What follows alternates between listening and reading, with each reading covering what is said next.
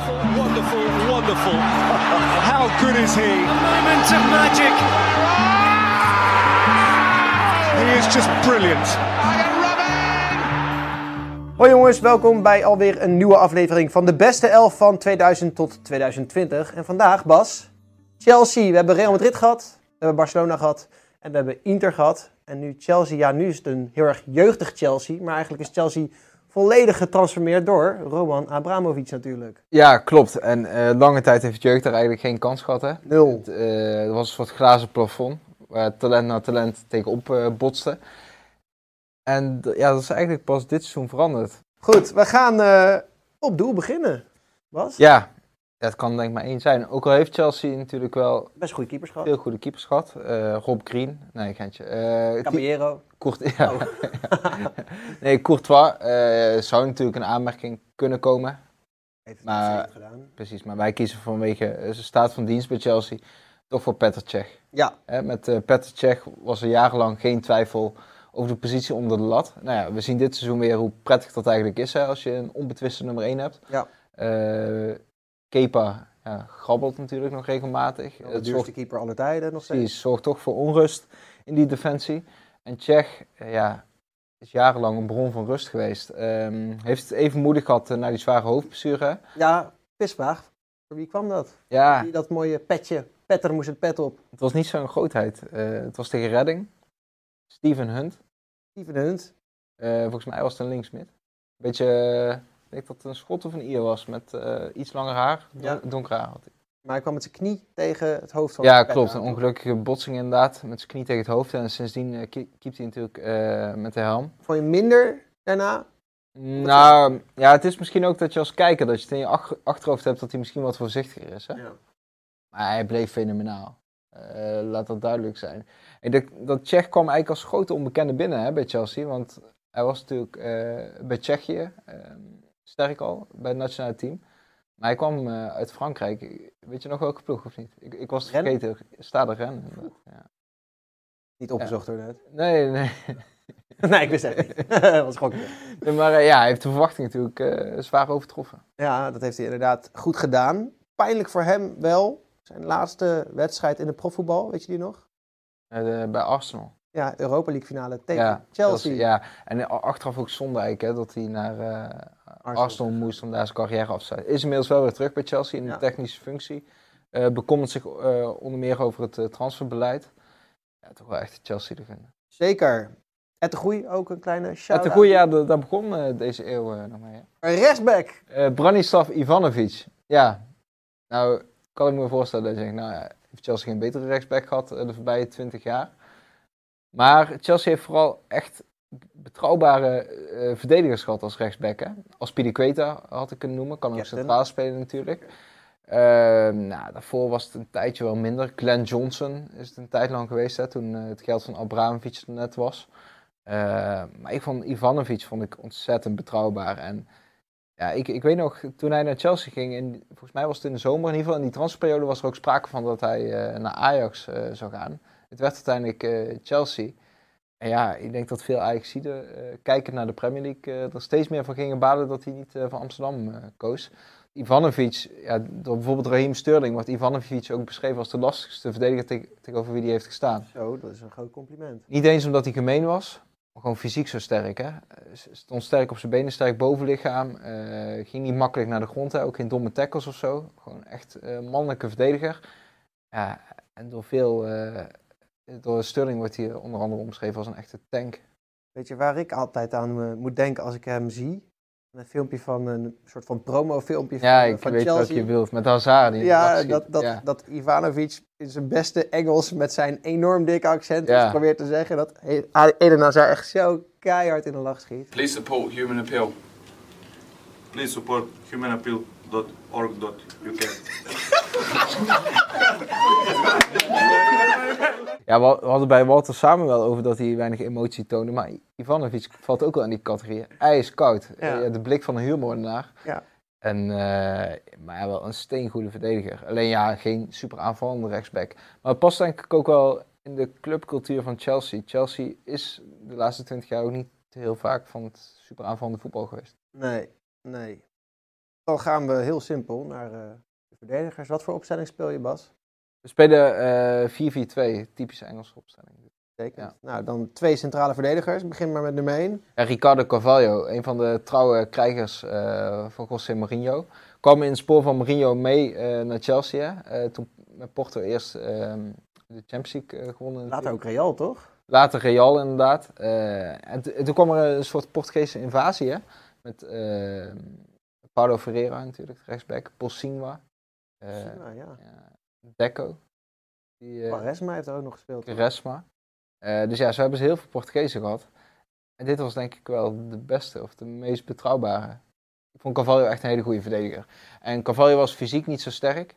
Ehm, maar hij loste het eigenlijk op gewoon door de situatie vaak voor te zijn. Hè. Ehm, was ontzettend slim.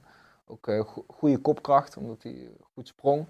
En ja, hij was vaak de duels al voor. Hè. Eh, echt eh, een nadenker, eh, een schaker op het veld. Ja, Mourinho was waanzinnig fan van hem. Hij heeft één keer een conflict gehad. Eh, toen klaagde eh Carvalho dat hij, dat hij zijn basisplaats kwijt was. Dat was volgens mij in het begin van zijn tweede seizoen bij Chelsea. En ja, toen zei Mourinho, die zette hem meteen direct even op zijn plek. Die zei, volgens mij is de IQ van Carvalho te laag om, eh, om mijn keuzes te begrijpen. Misschien moet hij daar even aan, aan gaan werken. Dat zeg ik ook altijd hier op de redactie. Dat onze IQ te laag is om jouw keuzes te Ja, maken. Ja, ja. en eh, hij deelde megaboete uit. En eh, ja, Carvalho liep weer in het gereel. hè. ja, ja, uitstekend. Nou ja, een andere soldaat eh, van Mourinho, eigenlijk Zo. eh, van heel Chelsea, eh, staat naast hem, denk ik. Ja, behalve van Wayne Bridge, denk ik. Oeh, ja, dat is ook een leuk verhaal, ja. Nee, maar ja, John Terry, hè, we kunnen daar niet, eh, niet omheen. Jarenlang de absolute leider samen met Lampert, de absolute leider eh, van Chelsea geweest. En Terry was wel, had ook wel alles als verdediger. Ik vond hem aan de bal al redelijk goed, want in die tijd was het nog minder gewoon dat je echt voetballende verdedigers had. Terry bleef vaak toch wel rustig. Ik vond hem vooral uitblinken in de duels met zijn kracht. Ehm, nou, en een paar acties stonden ook wel symbool voor Terry. Hè? Eh, die foto's dat hij, eh, dat hij zijn hoofd voor de bal gooit. Hè? Ja. Als tegenstanders willen gaan schieten. Ja. Het was wel typisch John Terry. Echt er alles aan doen om de goal te voorkomen. En die verdedigers mis je misschien nu wel een beetje in de Premier League. Er zijn iets te veel types John Stones, zeg maar. Mooie opbouwers, zwak in de duels. En toen had je echt nog Rio Ferdinand, John Terry, eh Sol Campbell. Sol Campbell was ook een... Mar- beestje. Martin Keown eh, was natuurlijk al een, Ja. een vervelende verdediger. Ja. En John Terry is ja, jarenlang eh, de Chelsea, ja, een baas geweest in de Chelsea-defensie. Ehm, ook jarenlang eh, de laatste geweest die uit de Chelsea-jeugd eh, doorbrak. Hè? Mhm. De Chelsea is natuurlijk een ploeg geweest, zeker na de komst van Abramovic, eh, waar er bijna geen, geen plek meer was voor de jeugd. Eh, heel veel talenten kwamen wel door, want de jeugdelftallen waren vaak goed. En ja, dan, dan kregen ze een beetje speeltijd in het eerste elftal. Maar de druk van Abramovic was zo groot, er moest gewonnen worden, dat er eigenlijk ook geen tijd was om die jonge spelers de kans te geven. Achteraf heeft ze dat denk ik ook de Bruyne en Salah gekost, hè, want die, die werden gehaald. Eh, hadden natuurlijk nog tijd nodig om zich aan te passen aan de Premier League. Kregen ze niet. Die tijd was er niet bij Chelsea. Goed, ja, het verhaal waar je mee begon, had natuurlijk een ploeggenoot, Bridge. Ja, Daar heeft hij even het vrouwtje van afgepakt, hè? Ja, John Terry ging klusjes doen bij Bridge eh, thuis. En hij bleek meer geïnteresseerd in mevrouw Bridge. Andere soort klusjes. Ja, het, het is ook wel verdacht, denk ik, als een, eh, een Premier League miljonair klusjes komt doen bij je in huis. Jij zou nee zeggen.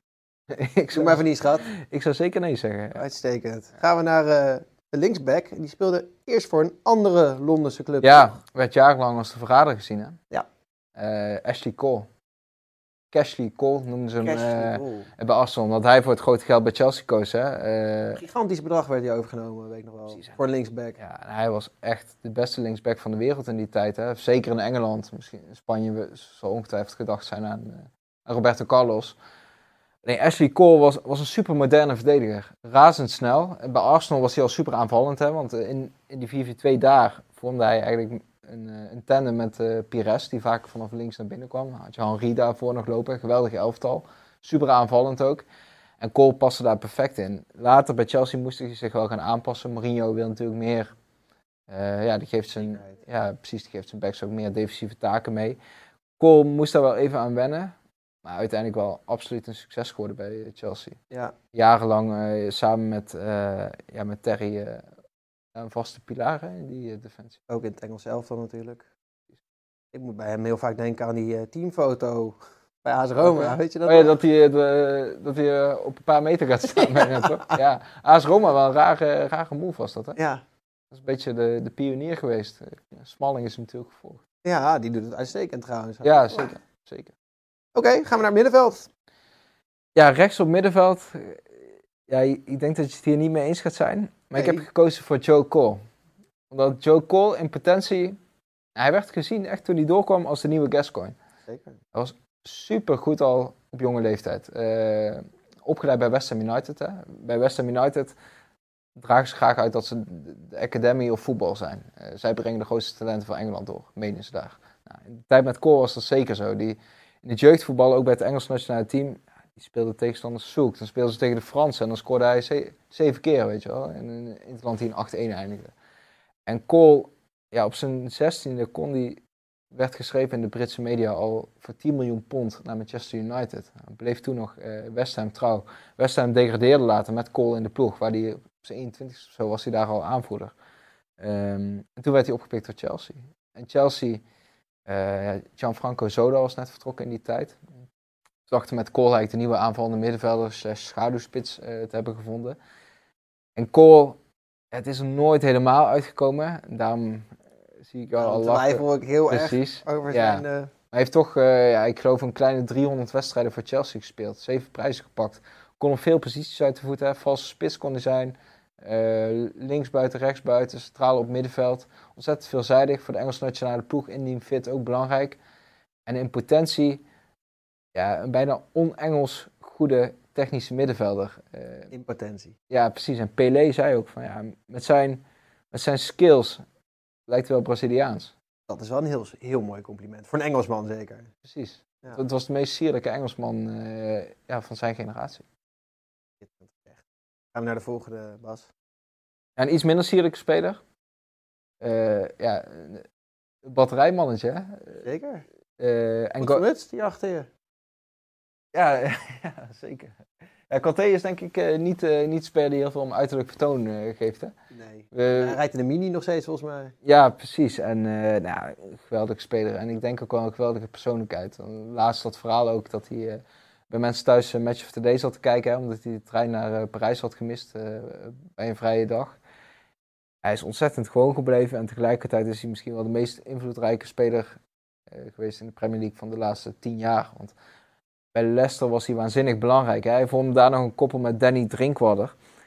En je hebt ooit van die spelers die opbloeien aan de zijde van een hele goede speler. En die lijken dan ook heel goed, maar daarna valt het vies tegen. Met Drinkwater is dat het geval, want die, die is ontzettend afgekleed. Bij Chelsea is het nooit uitgekomen, ook al kon die nog samen spelen met Kanté. Eh, bij Burnley was het niks, bij Aston Villa is het nu weer niks. En dan zie je eigenlijk pas hoe belangrijk Kanté ook in het kampioensjaar bij Leicester is geweest. Hè. Veroverde iedere bal. Uh, ja, zei het ook vaak, hè. er leek Ja, wel drie, eh, drie Kantés op het veld te staan. Fan van het eerste moment was Souli van Kanté. Ja, en onuitputbaar, hè? Onverstaanbaar. En bij Chelsea hield hij dat vol. En werd hij ook direct weer eh, kampioen. Ja, Kanté is wel een ontzettend belangrijke aankoop geweest. En je, ziet, je merkt nu in Europa ook dat heel veel ploegen zijn op zoek eigenlijk naar een tweede Kanté. Dan zie jij hem nog een stap maken naar iets.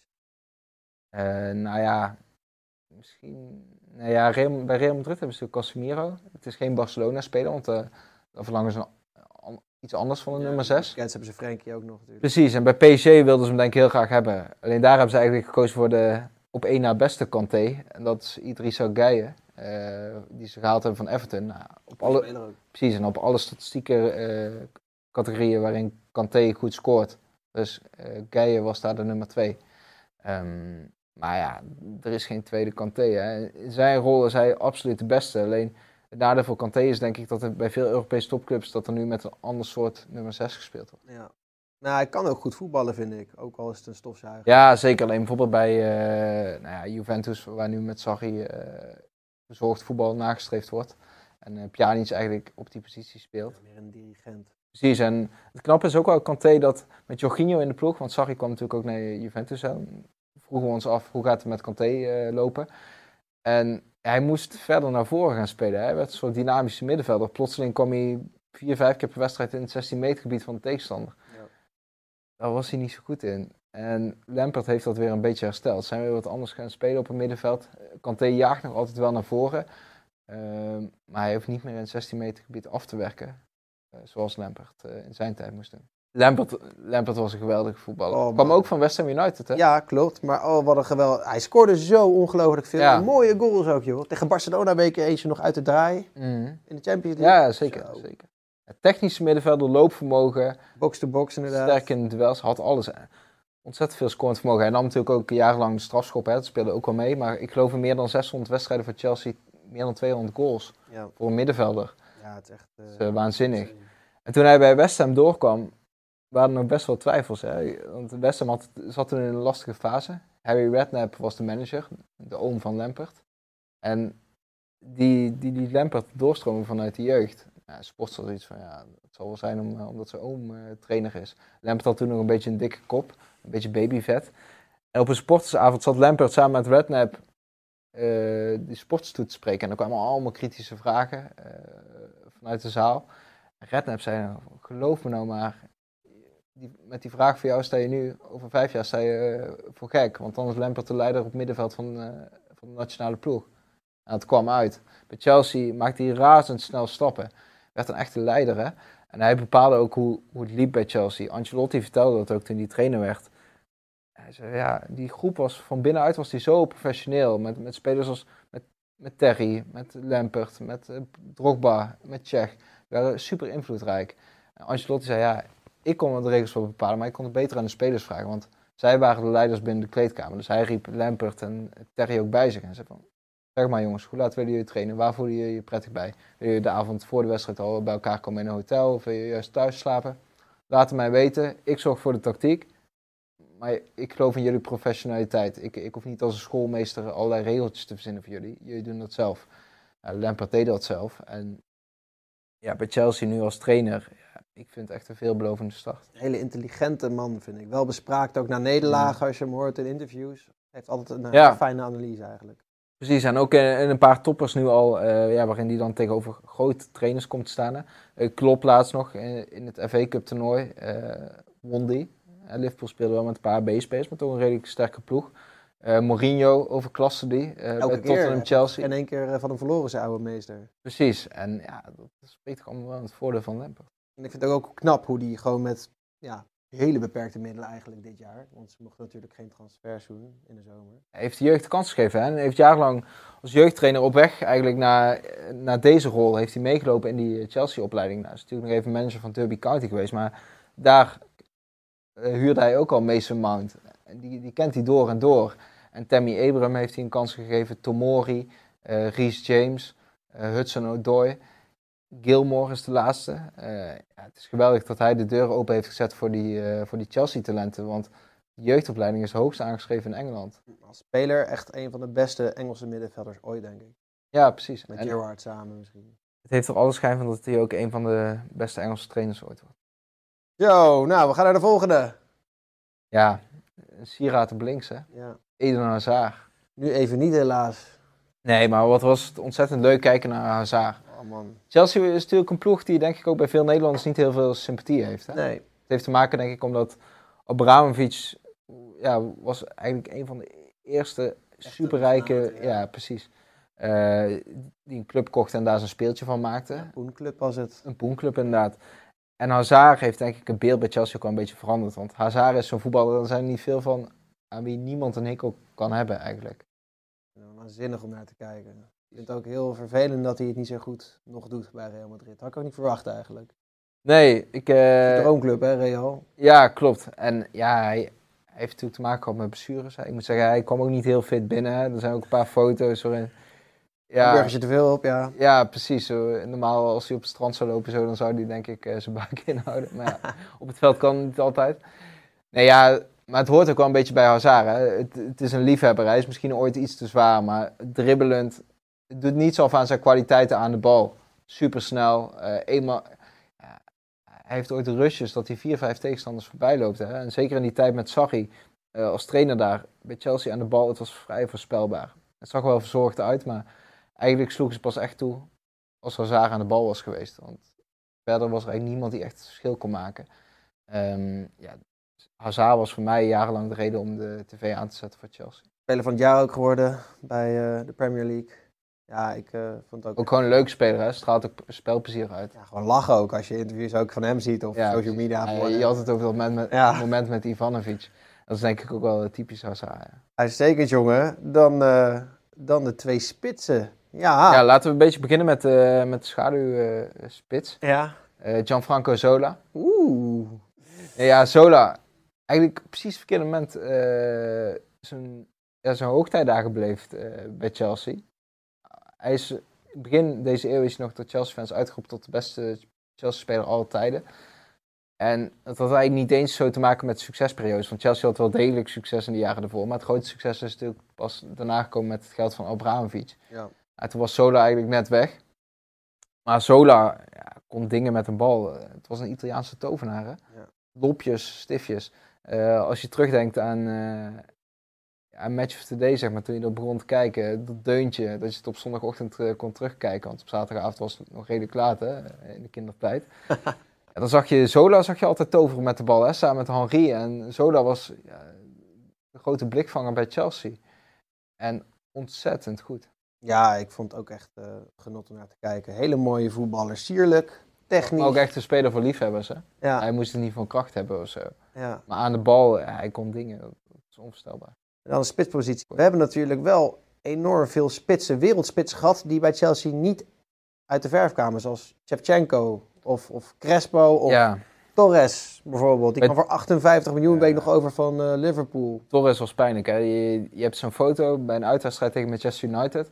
Toen had hij een kans eigenlijk min of meer voor open doel. En hij struikelde over zijn eigen voeten. Er leek niks meer van de oude Fernando Torres over.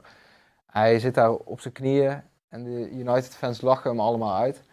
Was eigenlijk symbolisch voor zijn tijd eh, bij Chelsea. Toch heeft hij hele belangrijke goals gemaakt. Ja, Scoort niet vaak. nee, later bij Atletico ook nog, hè? Ja. Nou, bij Chelsea ook nog tegen Barcelona uit. Weet je die wedstrijd nog? Ja, ja zeker. Ja. In de laatste minuut speelde hij even Valdes Ja, uit. Ja, maar Chelsea had ook, want ook toen ze de Champions League in 2012 natuurlijk. Chelsea heeft de laatste 20 jaar hebben ze wel van die momenten gehad dat je eigenlijk niets van ze verwachtte meer. Want die ploeg in 2012 was ook echt niet zo bijzonder. Di Matteo was toen eh, de trainer, hè? volgens mij op interimbasis zelfs. Die kreeg daarna pas de vaste aanstelling. En ze wonnen wel gewoon de Champions League. Ze verrasten Bayern. Volgens mij was de finale zelfs in München. Ja. En ja, ze verpesten het feest daar. ja, met een goal van... Pogba. Oh man, wat een kopbal was dat hè, in die finale. Ja. Pak! En eh, wat was die sterk, hè? Ja, wereldspits. Wel een laadbloei- laadbloeier, hè? Ja, bij Marseille heeft hij gezeten inderdaad. Ja, volgens mij kwam hij eh, in Frankrijk ook pas eh, rond zijn 21ste eh, door. Hij stond nog met Mido samen bij Marseille, weet ik nog. ja, nou, met Hosham. ja, ja, en ja, nou, wat zijn die carrières verschillend gegaan, hè? Want Mido Oh, ja. hij stond niet bepaald bekend om zijn fitheid later. Maar dat kunnen we van Drogba niet zeggen. Nee. Ja, een beest daar, ijzersterk. En ja, wat ik vooral bijzonder vond aan hem was zijn traptechniek. Het was gewoon niet twijfelen. Eh, vaak kiezelhard schieten, hè? Het stand zelfs, ja. Het stand. En eh, ja, het past ook wel een beetje bij andere Chelsea-spitsen. Hasselbank had dat natuurlijk eh, ook. Ja, Maar Drogba, Chelsea heeft veel bekende spitsen gehad. Met Crespo, met Shevchenko natuurlijk. Allemaal de verwachting niet echt ingelost. Diego Costa. Diego Costa vond wel ik goed. Ja. Ehm, maar ja, Drogba was wel met afstand de beste. Uitstekend. We hebben de trainer nog over, maar eh, eerst natuurlijk weer eh, wat eerbare vernoemingen. Dan gaan we naar Marcel Desailly. Ja, Kennen denk ik de jonge kijkers niet. nee, hij speelde begin deze eeuw nog hè, bij, eh, bij Chelsea. Ja. Hij vormde bij de nationale ploeg vaak een, een duo met Touram. Hè, Ik denk dat die twee ook de centrale verdedigers wa- waren toen Frankrijk het EK won in 2000. Oh, Rechtsback was Thuram toen volgens mij. Echt? Maar dat maakt niet uit. Nee, oké. Maar stond in ieder geval centraal achterin, toch? Ja, klopt. Nou ja, was eh, bij dat Chelsea absoluut eh, een van de sterren. Chelsea was toen in de breedte nog niet zo goed, hè. Ehm, maar wel leuke spelers. Als je terugkijkt naar die selectie. Grunkjer. Runker van Ajax, ja. Ja, precies. En zo, zo, zo, zo ze meer lopen. Dennis Wise. Een gifkikker op het middenveld. ja. Eh Jody Morris, nu de assistent van, van, van Lampert natuurlijk. Ja, was daar een van de sterren. Ja, hele grote, robuuste, technische ook wel verdediger. Absoluut. Dan gaan we naar de huidige captain, Aspilicueta. Ja, Mr. Reliable, hè. Staat er altijd. Eh, als je in de Premier League... De spelers en trainers klagen regelmatig over het loodzware schema eh, daar. De enige die nergens last van lijkt te hebben is eh Aspilicueta. Speelt dus altijd. Kan op meerdere posities uit de voeten. Centrale. rechtsback. Af en toe zelfs linksback als het moet.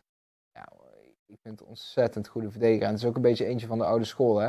Shirt in de broek. eh, Altijd netjes, ja. ja. precies. Altijd netjes. Maar vol op strijd ook wel. Ja, een beetje, eh, wat dat betreft doet hij wel een beetje denken aan Zanetti. Klopt. Ook een gentleman eigenlijk. Zeker. Goed, dan gaan we naar Mikael Balak. Ja, een generaal op middenveld. Ja, Ja, Chelsea in die tijd met hem. eh, Chelsea heeft natuurlijk veel mooie middenvelders gehad, hè, met Fabregas. ja. Maar goed, ik zou Fabregas liever bij een andere club eh, in mijn favoriete elf opnemen. Ja, precies. Was hij goed, hè? En jong. En voor Ballack geldt een beetje hetzelfde, hè, want Ballack is natuurlijk een geweldige speler. Maar ja, zijn hoogtijdagen natuurlijk wel beleefd. Eerst bij Bayer Leverkusen, daarna bij Bayern München. Maar ja, bij Chelsea, het was wel een belevenis. En het is sowieso interessant om te zien, vind ik altijd, om iconen uit een bepaalde competitie te zien in een nieuw land. Bij Ballack, ja, ik vond hem toch wel verdienstelijk doen bij eh, Chelsea. Zeker, ik vond hem wel goed, maar niet op zijn eh, top. Essien was bijvoorbeeld ook een eh, hele goede Ja, zeker. John Obi Mikel. Mikel, ja, is net ontslagen bij eh in Turkije. Ja, Trabzon, ja, omdat hij niet wilde spelen. Dan hebben we een van onze Nederlanders natuurlijk. Hebben veel Nederlands gespeeld bij, bij Chelsea. Bij de Wijn Zende bijvoorbeeld. Ja, we gaan niet te veel vragen. Nee, nee, nee, want dat is de prijsvraag natuurlijk. Maar Arjen Robinho. Ja, nou ja, beleefde geweldige tijden daar. Maar zijn periode bij Chelsea is ook wel een beetje overschaduwd eh, door blessures. Hè? Heel erg verhaal. hè. Ik heb zitten twijfelen voor die eh, positie rechts op middenveld tussen Kool en Arjen Robben.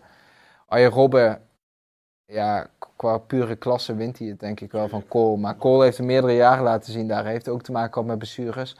En Robben was bij Chelsea, ook al kon hij er niets aan doen, toch te veel de man van glas. Ja. ja, ik weet nog wel, Mourinho hij had hem geko- gekocht van eh, PSV.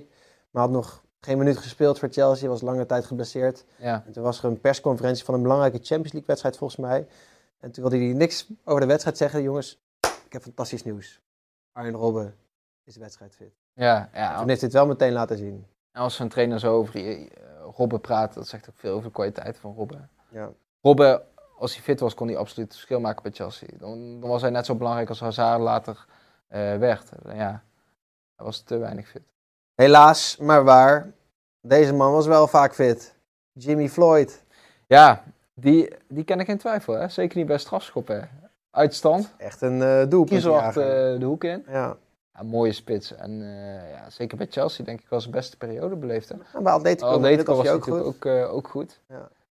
Maar als, je- als je qua statistieken kijkt ook, Hasselbank in de Premier League kan absoluut een legende. Ja, die heeft heel veel gescoord. Bij Middlesbrough heeft hij ook nog gespeeld volgens mij. Ja, zeker. Hij droeg rug nummer 9. Was ook een andere Nederlander met eh, rug nummer 9 bij Chelsea, weet je dat nog? Oeh, dat is een goede vraag. Oularoes. Oh ja, ja, tuurlijk. Ja, dat was een heel raar rugnummer. Vraag, hè? Ja. Goed, dan komen we bij de trainer. Ja. Toch Mourinho, hè? Ja, je, je, je had het net over een persconferentie van Mourinho. Hè? En die, die, die eerste persconferentie toen hij kwam, toen hij de Champions League had gewonnen met Porto.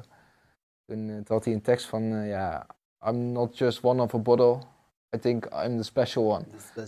En toen werd zijn bijnaam geboren en hij, zat daar, hij kwam daar binnen en het was zo, het was zo vol, ja, met zoveel vertrouwen. En in Engeland hadden ze eigenlijk nog nooit zoiets meegemaakt, dat- dat de manager met zoveel, eh, ja, zo blufferig zichzelf eh, voorstelde aan het grote publiek. Hè. Want de Premier League, de Engelsen hebben natuurlijk altijd een beetje overzicht dat ze denken het voetbal te hebben uitgevonden. In principe hebben ze dat ook. Ehm, maar ja, de Premier League wordt dan gezien als,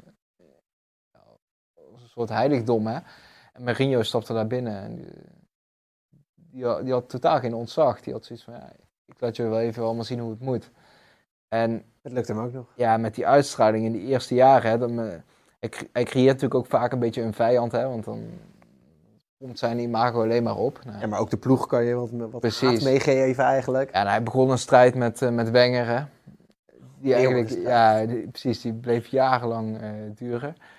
Ja, Mourinho, het is eigenlijk zonde dat het later bij Manchester United en nu bij Tottenham dreigt ook een beetje de verkeerde kant op te gaan. Bij Chelsea heeft het natuurlijk vaak gebotst. En die Mourinho in de eerste twee jaar bij Chelsea, toen ze twee keer kampioen werden, die ploeg was zo goed. En Mourinho werd later bekend om het parkeren van de bus en zo. Maar toen parkeerde Chelsea in de Premier League zeker niet de bus. Het was aanvallend voetbal. Ehm, met echt veel goede spelers, sterke spelers met ontzettend tempo. Ook veel, ook veel techniek op het middenveld. Ehm, ja, het was echt genieten. Wonderful, wonderful, wonderful. How good is he? moment of magic. He is just brilliant.